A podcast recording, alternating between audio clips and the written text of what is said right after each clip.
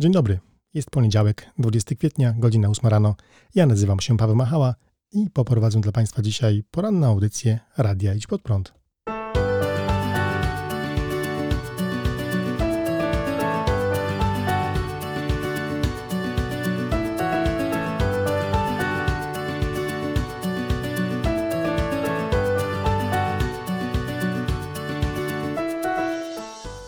Radio Idź Pod Prąd, y, poranna audycja, jego poranna audycja nazywa się właśnie poranną audycją Radio Idź Pod Prąd, ponieważ nie ma jeszcze nazwy.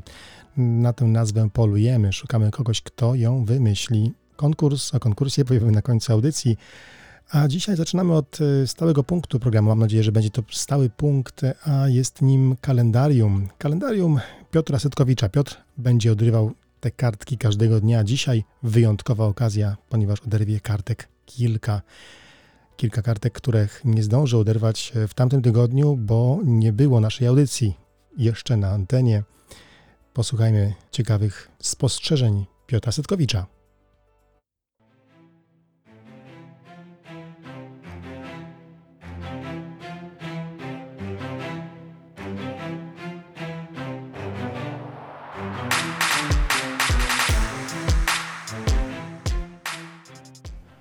Czternastego kwietnia 966 roku przypadała Wielka Sobota.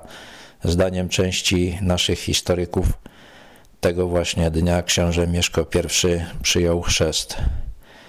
Być może nie jest to właściwe datowanie, ale ponieważ żadnej innej daty nie podano, to korzystam z okazji, by coś na ten temat powiedzieć. Niewątpliwie w ten sposób książę Mieszko I włączył swój kraj w krąg cywilizacji chrześcijańskiej, ułatwił przejmowanie dorobku tej cywilizacji przez swoich poddanych, a wrogom wytrącił z rąk pretekst do najazdów i likwidacji swojego państwa. W ciągu następnych kilkuset lat właściwie 100% Polaków stało się katolikami. Przyjmowało sakramenty, uczestniczyło w obrzędach, słyszało o Jezusie Chrystusie, ale niewiele wiedziało o tym, po co właściwie przyszedł na ziemię. Najczęściej też nie zadawali sobie tego pytania. Myślę, że przyszedł czas, kiedy jednak Bóg skłania nas jako naród do tego, żebyśmy się tym problemem zajęli i żebyśmy Jezusowi Chrystusowi osobiście zaufali. Być może, jeżeli odpowiednio duża ilość Polaków podejmie właściwą decyzję, to suma tych decyzji uratuje nas znowu jako byt polityczny.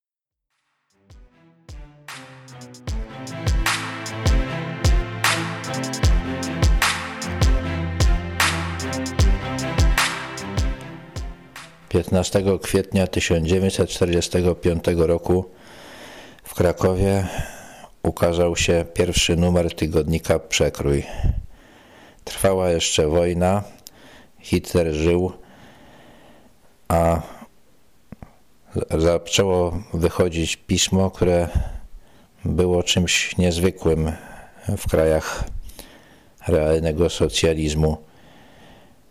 Współpracowali z nim naprawdę wybitni pisarze i artyści, graficy. Miało niezwykle ciekawą formę i przedstawiało wiadomości z całego świata. Zapoznawało czytelników z nowinkami kulturalnymi ze Stanów Zjednoczonych, z Europy Zachodniej, z krajów, e, do których wyjechać nie było łatwo. Czy była to e, forma walki ludzi kultury e, z komunizmem? Wydaje mi się, że nie. Wydaje mi się, że komuniści uznali, że jeżeli da się Polakom na miastkę kontaktu z cywilizacją zachodnią, to zmniejszy to opór przeciwko ich władzy, że to złudzenie, że nadal jesteśmy częścią Zachodu, spowoduje, że naród nie będzie dążył do tego, żeby rzeczywiście do tej cywilizacji wrócić. Ta forma manipulacji poprzez dawanie złudzeń wydaje się bardzo skuteczna wobec nas. Warto o tym pamiętać.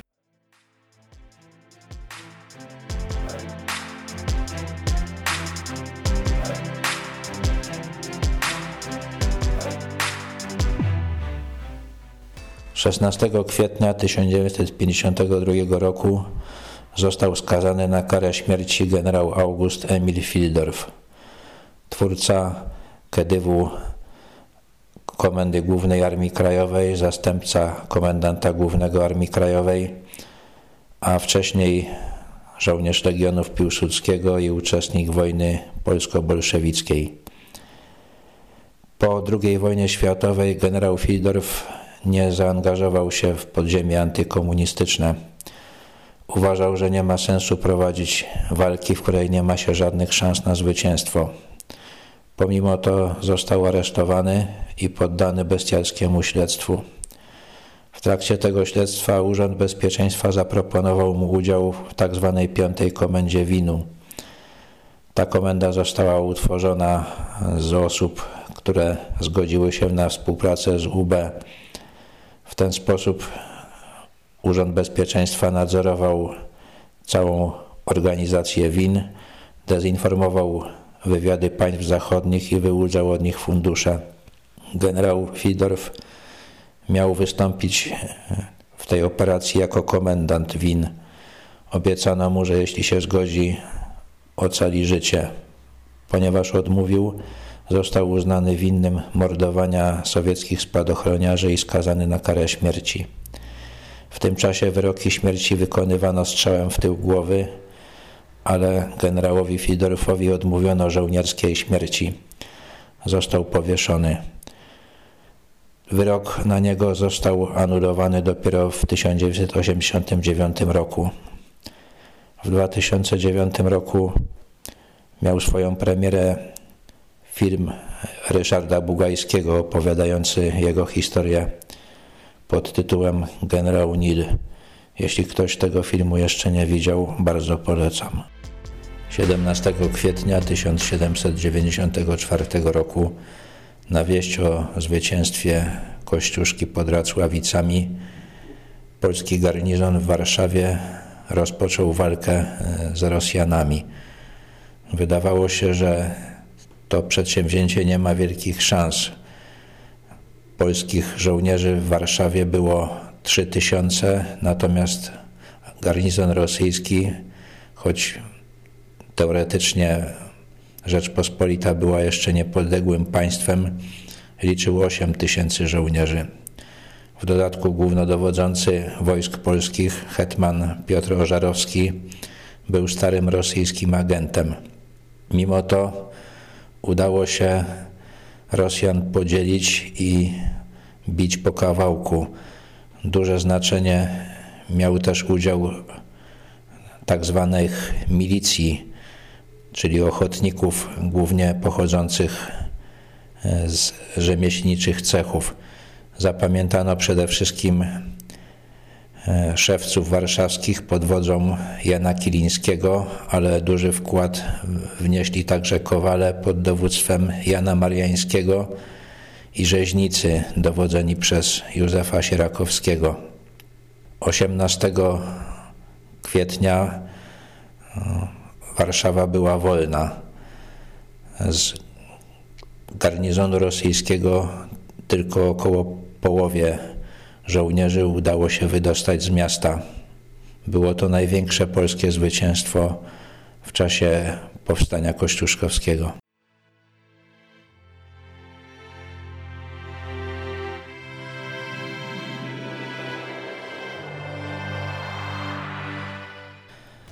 18 kwietnia 2010 roku, najpierw w Warszawie, a potem w Krakowie, odbył się pogrzeb Lecha i Marii Kaczyńskich. Wystawny pogrzeb e, świadczy zwykle o nieczystym sumieniu tych, którzy go urządzają. Nie inaczej było w tym przypadku.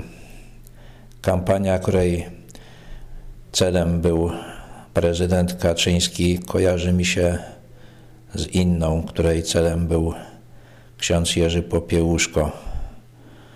Równie niesprawiedliwe były zarzuty i podobne zakończenie. Tylko ta kampania w rzekomo niepodległej Polsce miała o wiele większy zasięg. Kiedy już było po wszystkim, związany z przeciwnikami Kaczyńskiego, kardynał Dziwisz zaproponował miejsce na Wawelu. Niesprawiedliwe zarzuty miał zrównoważyć pogrzeb ponad rzeczywiste zasługi. Ale tu nie chodziło o sprawiedliwość. Trzeba było zamanifestować przed narodem, że politycy i dziennikarze też czasami kierują się sumieniem. To wzmacnia zaufanie, bez którego nawet mało poważne państwo istnieć nie może. Tak więc uroczystości były wielkie, udawany był żal, udawany szacunek, udawana jedność narodowa, tylko śmierć była prawdziwa. 19 kwietnia 1943 roku, w przeddzień żydowskiego święta Paschy, Oddziały niemieckie pod dowództwem generała SS Irgena Stropa rozpoczęły akcję ostatecznej likwidacji warszawskiego getta. Nie spodziewali się oporu, ale zostali ostrzelani i musieli się wycofać.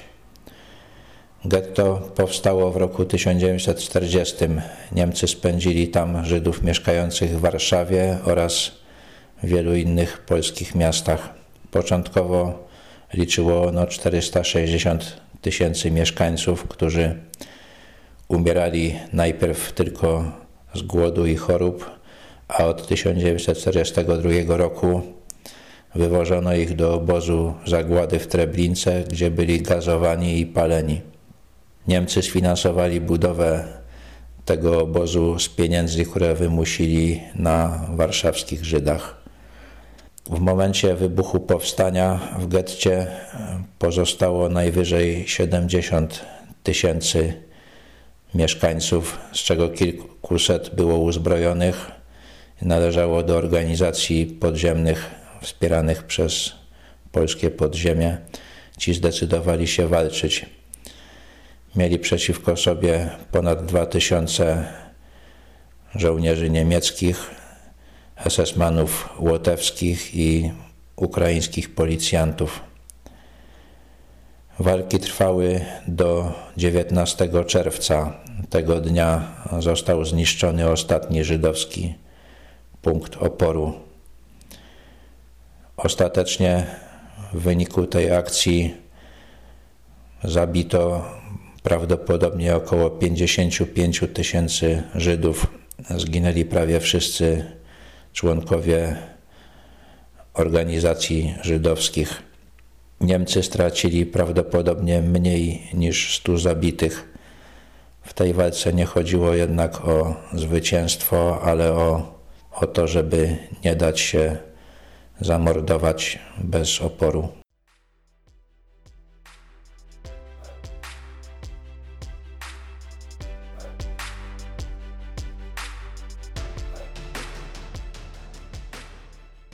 20 kwietnia 1943 roku żołnierze oddziału dyspozycyjnego Komendy Głównej Armii Krajowej KOSA 30 podjęli próbę zabicia Obergruppenführera SS Friedricha Wilhelma Kriegera, który pełnił funkcję dowódcy SS i policji na okupowanych ziemiach polskich. Działał w Polsce od 4 października 1939 roku. Ocenia się, że w wyniku rozkazów, które wydał, zginęło w Polsce ponad 2 miliony ludzi. Zamach odbył się na terenie tzw. Tak dzielnicy niemieckiej w Krakowie, u zbiegu dzisiejszej Alei Krasińskiego i ulicy Wygoda. Krieger jeździł tamtędy z Wawelu, gdzie mieszkał, do gmachu Akademii Górniczo-Hutniczej, gdzie działał tak zwany rząd generalnego gubernatorstwa. Samochód Kriegera został obrzucony granatami, jednak kierowca zorientował się, co się dzieje i przyspieszył, dlatego granaty nie wpadły do samochodu, ale wybuchły za nim. Wybuchy zaalarmowały Niemców, którzy ostrzelali zamachowców. Wycofali się oni jednak bez strat i zabili jednego ze ścigających Niemców. Choć zamach się nie udał, to odbił się szerokim echem w całej okupowanej Polsce i Europie, ponieważ Krieger był drugim co do ważności dygnitarzem w generalnym gubernatorstwie po generale Hansie Franku. Podniósł on też na duchu społeczeństwo okupowanej Polski.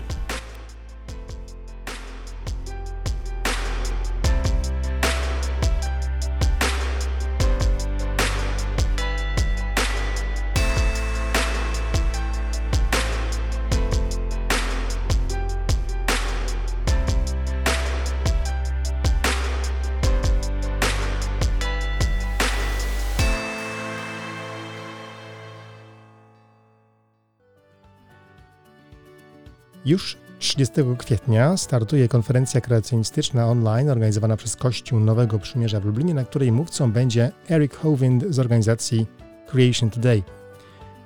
Konferencja ta odbędzie się online, a więc tylko na internecie, a potrwa od 30 kwietnia do 2 maja.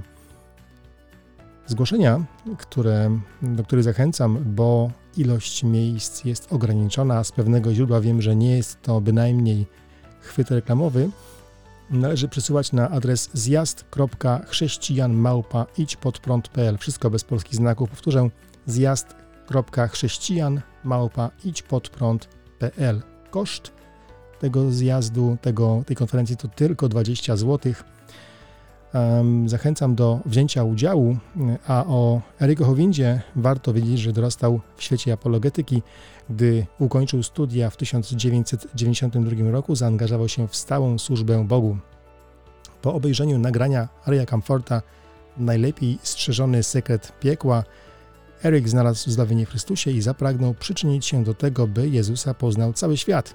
Jest dyrektorem i założycielem organizacji Creation Today z siedzibą w Pensacola w Stanach Zjednoczonych, realizując misję docierania do ludzi z prawdą Ewangelii o darmowym zbawieniu. Tylko dzięki śmierci Jezusa Chrystusa ponad 5 tysięcy razy przemawiał w ośmiu krajach i we wszystkich 50 stanach USA. Eric Hovind jest współtwórcą filmu Genesis Raj Utracony, którego wersję z polskim lektorem możecie obejrzeć na Vimeo tylko za niecałe 10 zł. Ten film można kilka dni wypożyczyć, a jest też możliwość kupienia go na stałe, tak żeby można było go oglądać w każdej, w każdej możliwej chwili. Przed nami e, artykuł, który jest elementem przygotowania dla tych osób, które chcą wziąć udział w konferencji. Jest to artykuł zaczerpnięty z książki Idź pod prąd w sporze ewolucjonizm, kreacjonizm, który jest zbiorem e, artykułów pod redakcją Mm, dr Małgorzaty Gazdy. Dziś e, artykuł pod tytułem Kiedy nauka jest wrogiem wiary. Proszę, usiądźcie wygodnie i e, weźcie do ręki kawę. Przyda się pobudzenie mózgu, bo artykuł jest trochę trudny, ale już zaraz po nim zaprosiłem e, panią dr Małgorzatę Gazdy, aby odpowiedziała na kilka pytań, które mam nadzieję wyjaśnią to, o co w artykule chodzi. Mieczysław Pajewski Kiedy nauka jest wrogiem wiary? Żyjemy w epoce, w której naczelnym autorytetem poznawczym dla większości ludzi nie jest religia, ale nauka. Przekonywani jesteśmy do tego na każdym kroku w szkole i na uniwersytecie, w prasie, radiu i telewizji, a nawet przez wielu duchownych, którzy wyobrażają sobie, że ratują religię, dopasowując ją do stale zmieniających się orzeczeń nauki. Ale co to jest nauka? Dla większości ludzi, nawet tych wykształconych, przypomina ona powietrze. Wszyscy wiemy, że powietrze istnieje, ale do niedawna nie znano nawet jego składu. Nawet absolwenci wydziałów przyrodniczych oraz politechnik, którzy praktycznie znają tę czy inną dziedzinę nauki, wierzą w mnóstwo mitów i przesądów na temat jej natury. Linus Pauling, który dwukrotnie zdobył Nagrodę Nobla, raz z chemii, a drugi raz Nagrodę Pokojową, tak zdefiniował naukę. Nauka to poszukiwanie prawdy, to wysiłek zrozumienia świata. Pauling, jak zresztą większość przyrodników, wyobrażał sobie uprawianie nauki jako bezstronne, obiektywne poszukiwanie prawdy metodami empirycznymi. Jeżeli Bóg stworzył świat, to czy bezstronne, obiektywne badanie tego stworzonego świata może podważyć wiarę w Boga? Czy nauka i religia mogą być skonfliktowane? Ciekawie na temat związków religii i nauki wypowiadał się Albert Einstein. Chociaż domeny religii i nauki same w sobie są wyraźnie od siebie oddzielone, istnieje mimo to między nimi mocny dwustronny związek i zależność. Chociaż religia może wyznaczać pewne cele, to uczy się od nauki, jakie środki przyczyniają się do ich osiągania. Naukę mogą tworzyć tylko ci, którzy przesiąkli dążeniem do prawdy i chęcią zrozumienia świata. Ale dążenia te wypływają z religii. Należy do tego także wiara w racjonalność reguł obowiązujących w istniejącym świecie, w racjonalność, czyli w możliwość ich uchwycenia przez rozum. Nie jestem w stanie wyobrazić sobie uczonego z prawdziwego zdarzenia bez takiej głębokiej wiary. Ten stan rzeczy można przedstawić następująco. Nauka bez religii jest kulawa. Religia bez nauki jest ślepa. Einstein uważał więc, że nauka od religii przejęła cel dążenie do prawdy i chęć zrozumienia świata, a także przekonanie, że świat jest racjonalny i poznawalny rozumowo. Einstein rozumiał przez to, że świat jest matematyczny. Ale to nauka wypowiada ostateczne słowa na temat świata. Religia może się tego uczyć od nauki. Religia w tym ujęciu, choć ważna dla nauki, jest jej podporządkowana treściowo. Stąd się biorą przekonania następców Einsteina, że Ilekroć zaistnieje konflikt pomiędzy dosłowną interpretacją jakiegoś tekstu biblijnego a prawdą dotyczącą przyrody, udowodnioną przy pomocy wiarygodnych argumentów, chrześcijanin powinien poddać tekst biblijny reinterpretacji metaforycznej. Wybitny polski filozof i teolog, ksiądz profesor Michał Heller, tak ujmuje całą relację nauki i wiary, głosząc potrzebę modyfikowania teologii stosownie do osiągnięć nauki. Dlaczego więc tak często słyszymy o konflikcie nauki i religii? Czy konflikt ten jest wymyślony, czy realny? Jeśli religia jest podporządkowana nauce, to konflikt taki może być tylko tymczasowy, do chwili, gdy zmodyfikuje się teologię zgodnie z orzeczeniami nauki. Pogląd, że nauka i religia są niezgodne, rozpowszechnił się dopiero w XIX wieku. Wcześniej zakładano, że jeżeli uczeni i teologowie różnią się w jakiejś sprawie, to wskutek błędu popełnionego przez jedną ze stron i starano się ten błąd usunąć. Popularna była koncepcja dwóch ksiąg Biblii i Przyrody, które miały tego samego autora. A jeśli tak, to z natury rzeczy nauka i religia nie mogły się trwale różnić.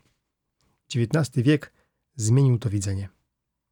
W Polsce istnieją cztery ośrodki zajmujące się badaniem relacji nauka-religia. Trzy z nich związane są z uczelniami katolickimi – Uniwersytet księdza Stefana Wyszyńskiego w Warszawie, KUL w Lublinie i Uniwersytet Papieski oraz Centrum Kopernika w Krakowie. Dominują w nich koncepcje dwóch ksiąg lub podporządkowania religii i teologii nauce. Czwarty ośrodek, zorganizowany przez profesora Kazimierza Jotkowskiego, istnieje na Uniwersytecie Zielonogórskim. Pracujący tam filozofowie nauki wypowiadają opinię, że konflikt nauka-religia jest rzeczywisty i nieusuwalny, choć czasami jakiś fragment tego konfliktu może zanikać, by po jakimś czasie pojawić się ponownie. Zdaniem Jotkowskiego bowiem W XIX wieku, głównie za sprawą Karola Darwina, nastąpiła zmiana w rozumieniu nauki. Wcześniej naukę rozumiano tak, jak scharakteryzował ją Linus Pauling, jako bezstronne, obiektywne i uczciwe poszukiwanie prawdy. Takie rozumienie nauki nie wykluczało tego, że niektóre zdarzenia lub struktury znajdowane w świecie były skutkiem działania istoty nadprzyrodzonej, lub mówiąc językiem teologicznym, że niektóre zdarzenia były cudami. I rzeczywiście uczeni niekiedy postulowali w swoich wyjaśnieniach aktywność Boga. Newton na przykład uważał, że Bóg czuwa nad tym, by gwiazdy pod wpływem sił grawitacji nie zlały się w jedno gorejące ciało i od czasu do czasu odpowiednio w świecie interweniuje. Biologowie, widząc złożoność i różnorodność świata ożywionego, jego powstanie przypisywali Stwórcy. Darwin takie rozumienie nauki przekreślił. Przypuszczenie, że każdy gatunek powstał tylko na jednym pierwotnym obszarze, urzeka swą prostotą. Kto odrzuca to przypuszczenie, odrzuca także vera causa zwykłego powstania i następnego rozpowszechnienia gatunków, a odwołuje się do cudu. Łaciński zwrot vera causa, użyty przez Darwina, znaczy prawdziwa przyczyna. Darwin więc uważał, że rzekome akty stwórcze Boga nie były prawdziwymi przyczynami. Zamiast stworzenia miało miejsce, jego zdaniem, zwykłe powstanie i rozpowszechnianie gatunków. Darwin skutecznie narzucił to swoje rozumienie biologii innym biologom. Z czasem rozszerzyło się ono także na inne działy nauki. Dziś olbrzymia większość uczonych przyjmuje perspektywę darwinowską. Zakaz odwoływania się w nauce do aktywności stwórczej Boga i ograniczanie się do przyczyn istniejących wewnątrz przyrody nosi nazwę naturalizmu. Natura to przyroda. Ale naturalizm nie jest jedynym możliwym sposobem uprawiania nauki. Wystarczy wspomnieć, że przed Darwinem uczeni nie byli naturalistami. Dziś jedynie kilkuprocentowa mniejszość uczonych ma odwagę odrzucać naturalizm i uprawiać naukę opierając się na innym założeniu. Naturaliści wyniki badań dopasowują do założenia naturalizmu. Kreacjoniści wyniki badań, bardzo często te same, bo dlaczego miałyby być inne, dopasowują do innego założenia nadnaturalizmu. Kreacjoniści chrześcijańscy to ogólne założenie konkretyzują. Wyniki badań powinny być uzgodnione z Pismem Świętym, które posiada najwyższy autorytet. Jotkowski założenie naturalizmu i nadnaturalizmu oraz każde inne założenie, bez którego nauka nie może funkcjonować, nazwał epistemicznym układem odniesienia. Nie jest możliwe bezzałożeniowe uprawianie nauki. Jakieś założenie uczony, jakieś założenie uczony musi wstępnie przyjąć. To, jakie przyjmie, zależy od jego światopoglądu oraz od wpływu środowiska, w którym pracuje. Dopiero ujawnienie, dopiero ujawnienie istnienia epistemicznych układów odniesienia pozwala zrozumieć, dlaczego ewolucjoniści i szerzej naturalistyczni uczeni są tak wrogo nastawieni do religii. Dopiero wtedy staje się zrozumiała maksyma Williama Provina – Ewolucjonizm jest najskuteczniejszym narzędziem do produkowania ateizmu, jakie kiedykolwiek wymyślono. Oraz opinia Richarda Dawkinsa. Dopiero Darwin sprawił, że ateizm jest w pełni satysfakcjonujący intelektualnie. No tak, y, mówiłem, że nie będzie łatwo. Artykuł jest y, trochę trudny, ale bardzo ważny. Warto poznać te główne jego tezy. E, warto przypomnieć, że pochodzi on z książki Idź pod prąd w sporze ewolucjonizm, kreacjonizm, książki dostępnej w sklepie mm, Idź pod prąd. W tej chwili można ją zakupić również w wersji PDF, no innej, innej wysyłki na razie nie realizujemy. A przed nami wywiad e, z dr Małgorzatą Gazdą. Jest ona autorką książki Spór o podpis w komórce, której głównym tematem jest spór o argumentację Stephena C. Mayera na rzecz inteligentnego zaprojektowania informacji genetycznej zapisanej w DNA. Książka ta jest jej pracą doktorską z dziedziny filozofii nauki, obronioną w 2018 roku, napisaną pod kierunkiem profesora Kazimierza Jotkowskiego, najlepszego w Polsce eksperta w kwestii sporu ewolucjonizm-kreacjonizm. Dr Gazda zredagowała książkę Idź pod prąd w sporze ewolucjonizm-kreacjonizm, które jest zbiorem, jak mówiłem, artykułów o tematyce naukowej, ukazujących się w ciągu kilkunastu lat w czasopiśmie Idź pod prąd. Jest też autorką części tekstów zawartych w tym zbiorze. Prywatnie, ale też publicznie jest biblijną chrześcijanką z Kościoła Nowego Przymierza w Lublinie.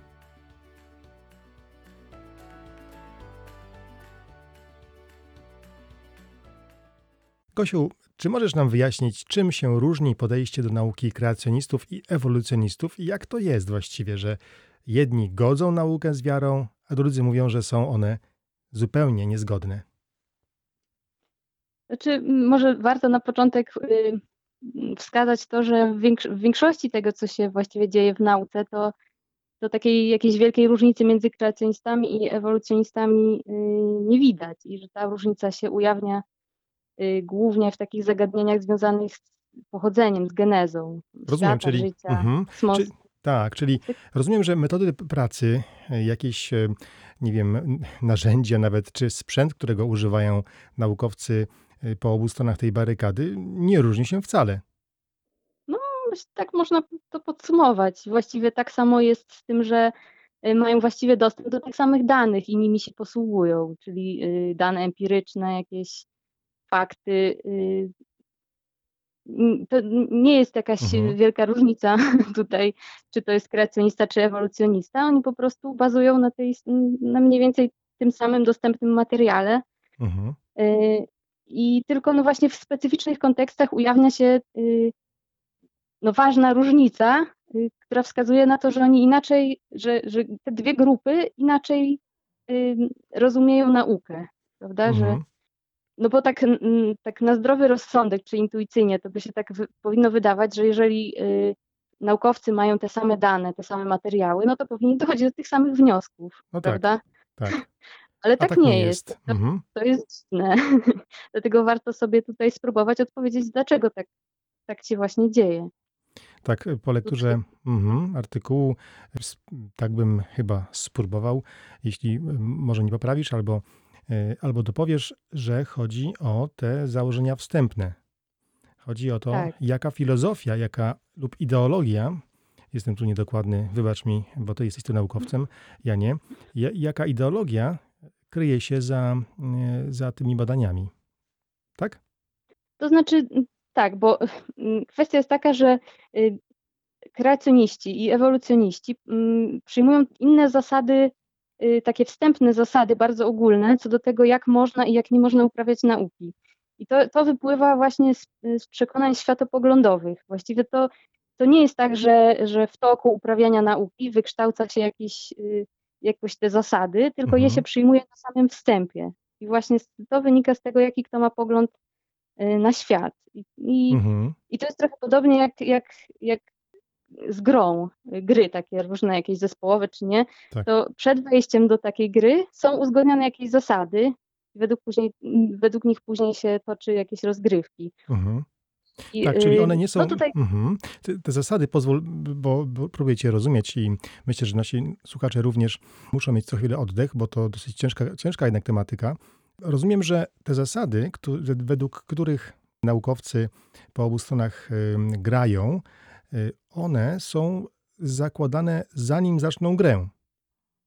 To o to Tak, chodzi, tak. prawda? Czyli one nie są, te zasady nie są, nie wynikają, mm, nie zmieniają się pod wpływem badań, one y, są właściwie teoretycznie niezmienialne, one są po prostu właśnie tymi założeniami wstępnymi.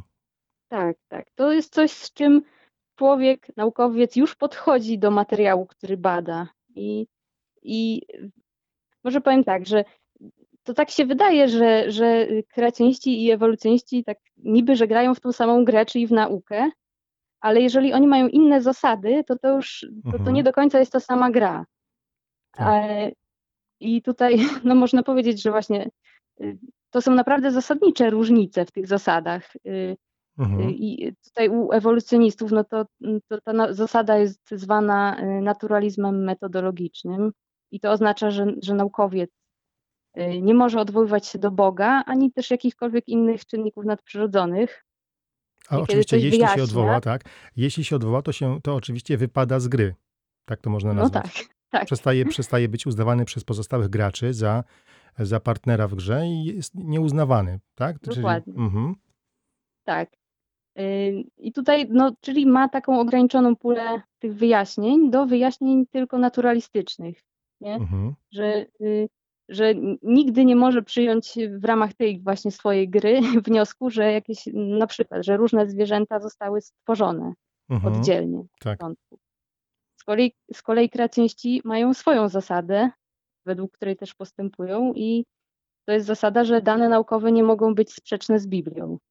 Prawda? Mhm. Że skoro to jest słowo Boga, no to oni będą szukać wyjaśnień, które pozwalają pogodzić fakty z twierdzeniami Biblii, nawet jeśli Mhm. muszą czasem czekać. Na przykład tutaj można wskazać na, na taką sprawę mm, śmieciowego DNA. Mhm. Kreacjoniści po prostu nigdy nie zaakceptowali tego, że, y, że istnieje coś takiego jak, jak jakieś ogromne ilości bezużytecznego śmieciowego DNA. Tak. Jakichś przypadkowych informacji. Na, Mhm. na, Tak. na kolejne dane, które potwierdzą, że jednak do czegoś to służy. No i zresztą nie przeliczyli się. No tak. Można by w takim razie mm, powiedzieć, że w zasadzie podejście czy to kreacjonisty, czy takiego e, naturalisty mm, jest y, równoprawne. Oni, czy za, naukowiec ma prawo przyjąć dowolne założenia wstępne. I Mhm. możemy, że nie powinniśmy się oburzać jako chrześcijanie na to, że naturaliści przyjmują swoje założenia wstępne, bo i my, czy no bardziej może e, naukowcy reprezentujący chrześcijański punkt widzenia również je mają. Czyli nie ma nic złego w założeniach wstępnych. Dobrze rozumiem, Gosiu? Tak, to, y, z tym się zgodzę, tylko tutaj, y, je, jeśli mogę coś powiedzieć, to, to to, że mm, problem pojawia się wtedy, kiedy jedni próbują drugim narzucić Mhm. i tak jakby zmniejszyć, y, nie wiem, prawa, Tak, prawda, tak, tej, czyli tej drugiej strony. zabronić Że, przyjmować te Mhm. założenia. tak, tak. I Mhm. przez to w pewien sposób y, umniejszać jakby y, to, że, że, że jedni i drudzy uprawiają naukę, prawda, że Mhm. y, Oczywiście, jak rozumiem dalej, to mm, może i równie złą sprawą jest, kiedy takie założenia wstępne są błędne, bo też mogą takie być. tak, tak, Mhm. no to Czasami wydaje się, że e, jak czytam lub słucham e, naukowców lub takich zwolenników teorii Darwina, że oni tak naprawdę odkryli e, prawdziwość, e, prawdziwe procesy zachodzące w świecie. Ale kiedy się przyjrzy historii nauki, to widzimy, że ewolucjonizm to kwestia ostatnich, no może maksymalnie 150 lat. Co, co było wcześniej? no właśnie wcześniej wcześniej y, naukowcy nie, nie mieli takiego podejścia, żeby, żeby y, narzucać innym Mhm. wykluczenie właśnie tej puli wyjaśnień, y, które wskazują na projekt, na, na, Mhm. na dzieło Boga. I wręcz to jest, no to jest nagminne w czasach sprzed Darwina, Tak. że naukowcy, naukowcy po prostu widzieli dzieło Boga w przyrodzie i o nim mówili. I nawet y, właśnie Newton, to jeden z takich najbardziej znanych naukowców przecież i Mhm. wielki naukowiec z wielkimi dokonaniami, to w swoim najważniejszym dziele naukowym y, wprost odwołuje się do, y, do działania Boga w przyrodzie, Mhm. wyjaśnia pewne kwestie, właśnie mówiąc, że to Bóg. Mhm. Czyli o ile rozumiem, to ci naukowcy sprzed e, tego ograniczenia, jakie nauce narzucił naturalizm, również działali, również badali przyrodę, odkrywali prawa, czy, czy niech to będzie nowe gatunki, nowe, nowe prawidła rządzące e, e, Tak. życiem. I y, można by też powiedzieć, że ci obecni wrogowie e, tego podejścia, włączającego Boga czy istotę transcendentną e, w proces, w naukę, ci dzisiejsi naukowcy budują na tym, czyż nie?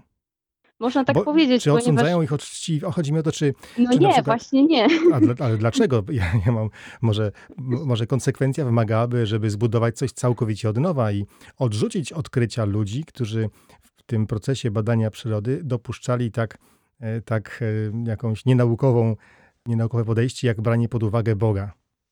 Znaczy tutaj się stosuje na przykład wobec Newtona taki y, zabieg, że y, niektórzy tutaj starają się go pokazać jako człowieka, który tak osobno uprawiał naukę, a osobno sobie wierzył w Boga, prawda? Ale to jest nieprawda, bo on naprawdę się w, w Mhm. swoim y, toku wy, tych wyjaśnień naukowych powoływał na, na Boga jako przyczynę, prawda? Mhm. I ten okres przed Darwina nawet jest zwany rewolucją naukową.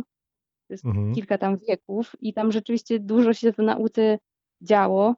Ale jeszcze jedną rzecz ciekawą, znaczy może ciekawą dla słuchaczy, że y, nawet Darwin jeszcze w czasach studiów na Uniwersytecie w Cambridge, y, jego jedną z lektur było, była tak zwa, y, by- było dzieło Teologia naturalna Williama Paley.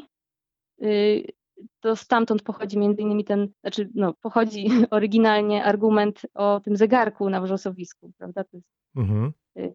no, w każdym razie to była obowiązkowa lektura na, na studiach przyrodniczych. Jeszcze w czasach, kiedy Darwin był młody, prawda? Mhm. Jeszcze student był. To wcale nie, no nie tak dawno się jeszcze działo, że, że uniwersytety normalnie y, uczyły, uczyły historii naturalnej Mhm. y, y, jako czegoś powiązanego z Bogiem. Mhm. Tak, bo pozwól, że jeszcze Cię dopytam. Rozumiem, że ktoś może zachwycać się postępem technologicznym związanym z nauką dzisiejszym, że mamy telefony komórkowe, a nie na przykład tamtamy. To inna rzecz, ale mm, i to jest rzeczywiście owoc pracy ostatnich nawet dziesięcioleci, dziesięcioleci czy nawet, samych, nawet lat paru. Ale czym Mhm. innym jest zmiana w metodologii, e, jak rozumiem, em, pracy naukowej, bo y, z tego co rozumiem, to ewolucjonistyczne podejście do, e, czy takie naturalistyczne podejście do pracy naukowej, to jest jak mniej więcej skórka na jabłku, jeśli chodzi o historię, prawda? Czyli powinniśmy, jak sądzę, podchodzić ostrożnie do rewelacji, do nowych objawień, czy nowych właśnie propozycji tych naukowców, którzy nagle po tych kilku tysiącach lat nauki twierdzą, że oni odkryli, że, że włączenie na przykład Boga do branie go pod uwagę podczas badań jest czymś nienaukowym. Dobrze rozumiem? Albo wręcz y, oni mówią, że to jest jakieś szkodliwe, Mhm. E, Tak, że jest, nawet że to tak, jakoś tak. niszczy naukę, że to po prostu Ale Mhm. tak, no, no, mm, te osiągnięcia współczesnej nauki technologiczne w ogóle mm, one nie mają związku z, z tym, że przyjęto ten, materiali, ten materialistyczny y, sposób uprawiania nauki, że to Mhm. Czy, to robią kreacjoniści, czy ewolucjoniści, mm, to pod względem y, odkryć technicznych, no to liczy się po prostu to, y, jak oni są sprawni Tak. jako wynalazcy, prawda? A nie, a nie jakie oni mają, jaki oni mają światopogląd. Co prawda, to może mieć wpływ na to, czy się w ogóle czymś zajmują, czy nie, bo na przykład Mhm. człowiek, który wierzy w Boga, nie będzie projektował y, jakichś robotów, y, które mają tam się obrócić przeciwko człowiekowi, czy coś w tym rodzaju, prawda? Tak, Że chodzi o zastosowanie tych odkryć, prawda? tak. No to to rzeczywiście mm, ta podstawa, y, znaczy ta, ta różnica w podejściu do, do nauki może się ujawnić, ale ona się raczej jednak ujawnia w tych zagadnieniach dotyczących genezy. Mhm. Gosiu, to gdzie właściwie i kiedy nauka jest wrogiem wiary? No wtedy, kiedy, mm, wtedy, kiedy z góry nauka przesądza, że żeby jakieś wykluczyć, żeby wykluczyć pewien typ twierdzeń o świecie, który jest istotną częścią wiary, no to wtedy, no to taka nauka jest wrogiem wiary.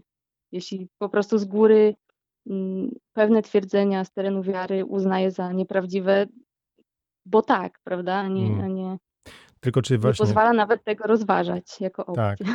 tak, czy, czy w ten sposób nauka, która, której jedną z definicji jest y, dążenie do poznania świata, e, nie przestaje być y, dążeniem do poznania świata, jeśli wyklucza się z tego świata możliwość e, jakiegoś elementu.